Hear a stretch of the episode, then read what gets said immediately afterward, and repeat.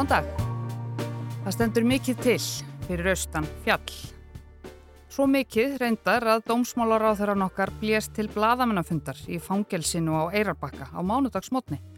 Dagar litlarhauns eins og við þekkjum það verða brátt taldir þá að byggja nýtt fangelsi. Tími til komin, segja margir, kannski flestir. Littlarhaun er hálgjert tímaskekkja en það farið að nálgast hundrað árin. Ætliðu verið ekki að hafa hraðar hendur áður en húsafriðunar nefnd bannar bara allar breytingar. Guðjón Samuelsson, meistar í húsa, teiknaði mér að segja sjúkrahúsið þarna. En síðan eru liðin mörg, mörg ár. Öld. Ég heiti Sunna Valgerðardóttir og fangelsið og Littlarhaunni verður á dagskráni í þetta helst í dag.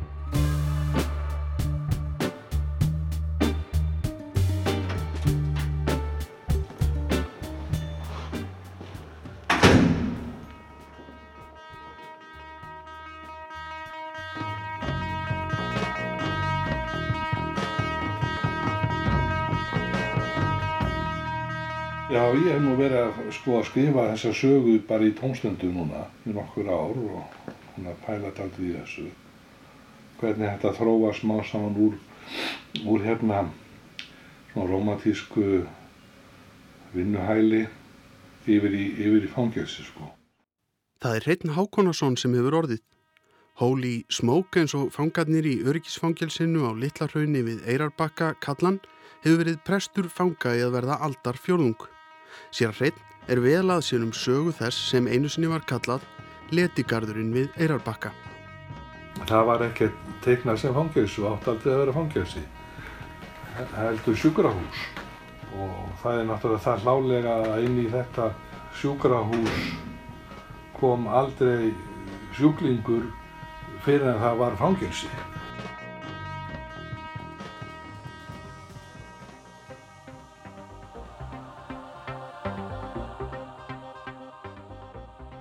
Húsakostur hér er í þannig ásíkumulagi að það verði dýrara að laga það húsnaði heldur en að byggja nýtt fangelsi. Þannig að niðurstað mín og okkar í Ríkistjórn Íslands er svo að hefja hér uppbyggingu og nýju fangelsi frá grunni vegna þess að það er líka þannig að hér eru margar byggingar byggðar á mismunandi tímum og hér hefur aldrei verið byggt með heildræna hugsun í huga. Það segir kannski sína sögum ástand húsa á Littlarhaunni að í fyrra var ákveð að verja 2 miljardum króna í viðgerðir. Nánari skoðun síndi svo að tali væri hendur að byggja nýtt fyrir 7 miljardar. Pál Vingel, fangelsismálastjóri, segir lengi hafa blasa við að það þyrti að byggja nýtt fangelsi sem verði ekki letigarður fyrir slæpingja, ekki geimsla, heldur uppbyggilu staður þaðan sem fólk getur snúið aftur í samfélagið sem gildir samfélagstegnar þegar hafa gert upp sína skuld. Þetta húsnaði var byggt af fröngkvæði Kvenfélags sem að eh, fór út í fjármögnun til þess að byggja og reka húsnaði vissulega en það átt að vera sjúgrás. Nú það fór hins vegar ekki betur en svo að, að þeim tókst að fjármagna bygginguna en ekki reksturinn þannig að, að það var brúðið á það ráð að, að selja ríkinu þessa, þessa fastegn og ríkið með einu, einu pennastriki breytti þessu úr rekstri sjúgrás yfir í fangelsi án þess þó að nokkur hugmyndafræði væri þar að baki eh, nema kannski þessari nótu sem fylgdi með ákvörðinni það sem tekið fram að þarna skildi reka letigarð fyrir slæpingja. Jónas Jónsson frá Hriblu flutti árið 1929 frumvarp sem hvað áum eftirfarandi. Landstjórninni skal heimilt að verja af ríkisfjö alltaf 100.000 krónum til að kaupa land og láta reysa betrunarhús og letigarð þar sem skilirði þykja góð til að fangar og slæpingjar sem ekki vilja vinna fyrir sériða sínum geti stundað hotla og gaglega vinnu. Fá mál ráþerrans Jónasar voru þó þess eðlis að um þau tækist sérstök sátt. Svo var einnig um frumarpans um stopnun Letigarðs, sangkvæmt frásögn morgumblaðsins af umræðum um það í Þingsal. Orður rétt, saðist Jón Þorláksson, Þingmaður aldrei hafa séð í afn undirbúningslöst frumarp eins og það um stopnun Letigarðsins við Littlarhund. Ímislegt mælti gegn því að velja eirarbakka undir slíka starfsemi. Lauruglulið sem til þyrti ef brína nöðsinn bæri til væri til dæmis ekki á staðnum. Ráþeran frá Hriblu skaut því þá inn í að hann hefði raunar í huga að stopna ríkislauruglu á Eirarbakka til Ígripa. Þetta var á alþingi 1929. Nú, næstum 90 árum síðar, er ríkislauruglan á Eirarbakka óstofnuð en fangelsið er þar enn. Hér flökkuðum við örlítíði tíma sem brot úr þáttaserju Helga Seljan letigarðurinn rammaði inn. Þættirnir voru á dagskrá Ríkisúttorpsins 2016. En sömuleiðis heyrðum við brot úr spekli gerðkvöldsins. Anna Kristín Jónsdóttir sá um innslag þar sem Guðrún Hafsteinsdóttir dómsmálar á þeirra tilkynnti plönin stóru og Pál Vinkel, fangelsismálastjóri, ítrekkaði þörfina á að þau plön yrðu að veruleika. Það litla hraun eins og við þekkjum í dag, það mun heyra fortíðinni til og sem betur fer. Í fyrsta tölublaði tímaritt slöggfræðinga árið 1960 byrti Valdimar Stefánsson, sakadómari, skýrslu um fangelsismál landsins. Honum hafi verið falið að gera úttækt á málum og ferðaðist meira sér til útlanda. Hann skoðaði nánast öll krummaskuði landsins og rætti við hina og þessa. Og úr varð skísla sem varð svo að frumvarfi og nú verður grepið aðeins ofan í þá skíslu. Af fangelsum landsins eru í raun og veru ekki nema tvö sem talin hafa verið fullgild sem refsivistar stopnanir. Það er Hegningarhúsið í Reykjavík og Vinnuhælið á Littlarhraunni við Eirarbakka. Húsið var upp úr 1920 byggt sem sjúkrahús en var 1929 gert að vinnuhæli fyrir sakamenn. Hefur verið svo síðan. Þykir rétt að taka hér kabla úr brefi núverandi forstjóra vinnuhælisins dagsett 3. júli 1959. Nú starfa í vinnuhælinu nýju gæslumenn og forstjóra en annað starfslið er briti, bifræðarstjóri, tveir verkstjórar og fjósamaður. Eitt megin vandamál vinnuhælisins hefur verið það að þangað hafa verið færðir til refsivistar fangar af mjög ólíku tægi. Þar hafa verið fangar á ýmsum aldri, ungir piltar með rosknum, markdæmdum sakamönnum og stórgleipamönnum, geðveilir fangar og vanþroska. Þessi skortur á sundurgreiningu fangana er á samt skorti vinnuskýlirða megin ókostur vinnuhælisins. Árið 1920 var hafinn bygging á spítala við Eirarbakka sem árið 1929 var breytt í vinnuhæli fyrir afbrótamenn. Í dag eru 29 einsmanns klefar á þremur hæðum og er stærð klefa misjöfn. Þeir eru ímist með stiftum rúmum eða járnrúmum.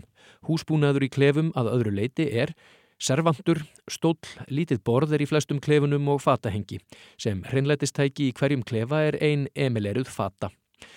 Fyrir öllum klefum í húsinu eru járnhurðir. Á neðri hæð eru skrár fyrir hurðum en á efri hæð og kjallara eru draglokur læstar með hengilásum. Gangar eru eftir endilöngu húsinu og mynda þeir nokkus konar hól fremst við stegana en þrengjast innar. Engin sundur stíun eða hindrunir á milli hæða húsins eða kjallara og geta því fangar verið á öllum göngum jaft þegar þeir eru ekki lokaðir inn í klefum sínum. Girðingsú sem er umhverfis hælið er hverginari nógu vel úr gardi gerð til að útiloka óvelkomnar heimsóknir. Mjög er það algengt að menn sem áður hafa verið hér fangar sækja á að heimsækja fanga hér og þá nær alltaf í því ástandi sem ekki samrýmist reglum hælisins. Þessir menn þekkja nákvæmlega alla staðhætti hér og geta því stundum í skjóli myrkurs og lélegrar girðingar komist heimað hælinu án vitundar geslunar. Um helgar á sumrin renna hér hundruð bíla fram hjá hælinu. Án Eva skapar það óróleika hjá fengum. Við ímsa örðugleika er að stríða vegna óhagstæðrar húsaskipunar. Má þar fyrst nefna að einangrunarklefar hælisins fullnægi ekki þeim kröfum sem til þeirra voru gerðar. Hljóð einangrun er lítil sem engin og yfirleitt má segja að allt húsið sé mjög hljóðbært. Veldur það oft erfiðileikum þegar um óða menn er að gera. Öll gæsla innan hús er markvallt erfiðari vegna þess að fangaklefarnir eru á þremur hæðum. Það sem mjög torveldar fjölbreytari vinnu hjá fungum og jákvæðari vinnu hjá þeim er tilfinnanlegur skortur á heppilegu húsnæði. Svona var staðan fyrir meira en hálfri öld. En í gær, þegar breytingarnar voru bóðaðar, sagði Haldur Valur Pálsson, forstuðumæður og litlarhraunni meðal annars við Rúf, að með nýju fangelsi er þið auðveldara að halda mönnum aðskildum. Torkið í miðju fangelsisins sem er opið öllum skapi oft vandamál. Það getur valdið þeim vandamálum að menn sem að kannski rekast illa saman og við þurfum að tryggja öryggi þeirra begja og annara fanga, getur þýtt það að það verða áreikstrar og þá er svona torg sem er miðja í, í húsi að, í, í stofnum þar sem allir hittast mjög óæskilu staður.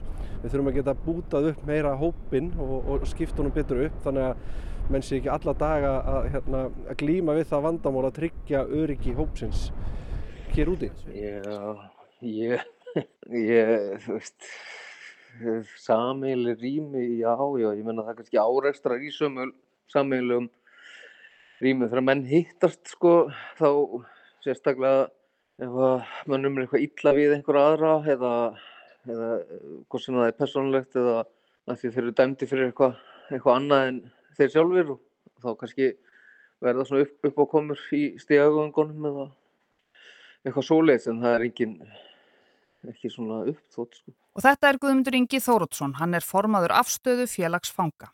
Guðmundur Ingi hefur skoðun á fangilsismálum, hann hefur eiginlega bara helgað lífsitt málstæðnum og það er því ekki úr vegi að heyra hljóðið í honum. Umhverfið þarna hefur skapað óbúrslega vanda, erfið á og slæma menningu e, e, sagt á Lillarhönni og þá ekki bara í fangahóknum sko heldur e, einni hjá starfsfólki. Og fólk þarf ofta að stilla sig af eftir að hafa verið þarna byrja að tala öðruvísi og, og hugsa aðeins öðruvísi. Og það er það sem er svo mikilvægt við að, að breyta þessu, þessari menningu að, að því við raun og veru breytum ekki hugsunargangi fólk sem er þarna uh, nefn að taka á henni sko. og, og við höfum verið á móti þessu, þessum hugmyndir sem átt að fara í að, að leggja einhverja milljarða í einhverjar ákveðna breytingar á, á Lillarhaunni og við vorum ekki að sjá að það myndi laga þessa menningu sem hefur verið aðal vandamálið að mínumati sko, kannski. Getur þú farið aðeins svona uh, dítilir eða svona nánar út í þessa menningu sem þú ætti að tala um? Uh, já, það er bara hvernig fólk uh, talar og hugsar og, og kemur fram við aðra og, og hérna uh, svona ákveðin húmor og, og mórall og annað slikt sem, að, sem að er bara óaskilegur í samfélaginu í raun og veru. Og síðan er náttúrulega höfum við hort upp á uh, einelti og, og, og líka einelti veist, ekki bara í fangahófnum heldur líka í fangavarðahófnum bæði og milli fangavarða og eins milli fanga og, og fangavarða mann eftir ríkalegum dæmum þegar fangaverðir hafa lagt menn í einelti en eh, nei, sérstaklega fanga en, en, en ég minna uh, á þeim tíma var kannski viðhorfinn og, og skilningurinn svolítið öðru vísi á og veikindum fólks kannski sem er þarna inni. Og það skiptir mjög miklu máli hvernig fangils eru hönnuð, ekki bara vegna öryggismála, heldur líka hvernig upplifun það er fyrir viðkomund að vera í fangilsi. Það er búið að svifta því frelsiðinu og það er okkar verkefni sem vinnum hana að gera það sem við getum til þess að koma þér á lappir aftur þannig að þú getur farið út í samfélagi og tekið aftur þátt í samfélaginu eftir úr búin að gera upp þína skuld. Og það gerur ekki umurlegu húsnæði þar sem úr lokaður á baku stálhörð og, og ekkert gert eða unni með þig. Það er líka ljóst að við þurfum að gera einhverja endurbætur á húsnaði til þess að tryggja hér starfsemi á meðan á byggingatíma stendur. Sem að hefst hvinnar? Hann hefst strax. Vinnu aðstæða starfsfólks á litlarunni er vægast sagt léleg. Hún er alveg ótrúlega léleg og það hefur mikil áhrif. Það skiptir okkur mjög miklu máli að hafa góðan mannauð og þú verður að hafa mannsæmandi aðstæður í, á vinnustafnum til þess að fólk sem er upplugt og getur farið í önnustörf fari bara ekki annað. Nú treysti ég á Frankartasíslu ríkisins að það veri unni mjög hratt og vel. Ráðarann segir að framkvæmdirnar eigi að hefjast strax og sömu leiðis hefur hún bóðað fjölgun opina úrræða þá sérstaklega fyrir konur en hlustundum er bent á eldri þætti að þetta helst sem fjalla um bæði stöðu kvenna innan fangelsalandsins og sömu leiðis þeirra sem eiga við geðrannan vanda að stríða og svo er aldrei að vita nefnum við förum nánar út í það allt saman bráðlega. Sumleiðis eru bóðaðar breytingar á lögum um fullnustu refsinga og þær breytingar verðskulda sannarlega aðtegli. Það verðist nefnilega sjást til sólarglætu í málafloknum. Fyrst og síðast munum við byggja hér nútímalegt fangelsi sem mun svara þörfum dagsins í dag, tryggja öryggi fanga, tryggja öryggi og starfsungverfi þess starfsfól sem hér býr en ekki síst líka að hérna, bæta aðstöðu eh, fjölskyldna og þá sérstaklega með þarfir barna í huga þeirra sem eiga hér ástvinni og koma hingað reglulegi heimsóknir. Á dögum eins og í gær þegar þetta var tilkynnt og þá áttar maður sig á að öll þessi vinna sem við hjá ástöðu höfum verið að vinna í, að þetta er að borga sig og, og maður verið gladur með það. Stundum er þetta svolítið svona eins og að berja hausin í vegg þegar maður er að vinna í þessu fangilsmálum. Þetta er, er hrikalega erfið stundum og, og hlutinni virðast breytast óbáslega hægt en, en svo sér maður svona daga þar sem að allir hafa verið að leggjast á eitt og, og, og reikalega breytingar nást í gegn og, og við teljum að þetta sé núna mjög, mjög jákvæmt sem er að gerast. Sögðu Guðrún Hafstinsdóttir, dómsmálaráþurra og Guðmundur Ingi Þórótsson, formaður fangafélagsins afstöðu. Ég heiti Sunna Valgerðardóttir og Littlarhraun í fortíð, nútíð og framtíð var helst í dag. Takk fyrir að leggja við hlustir og við heyrumst aftur á morgun.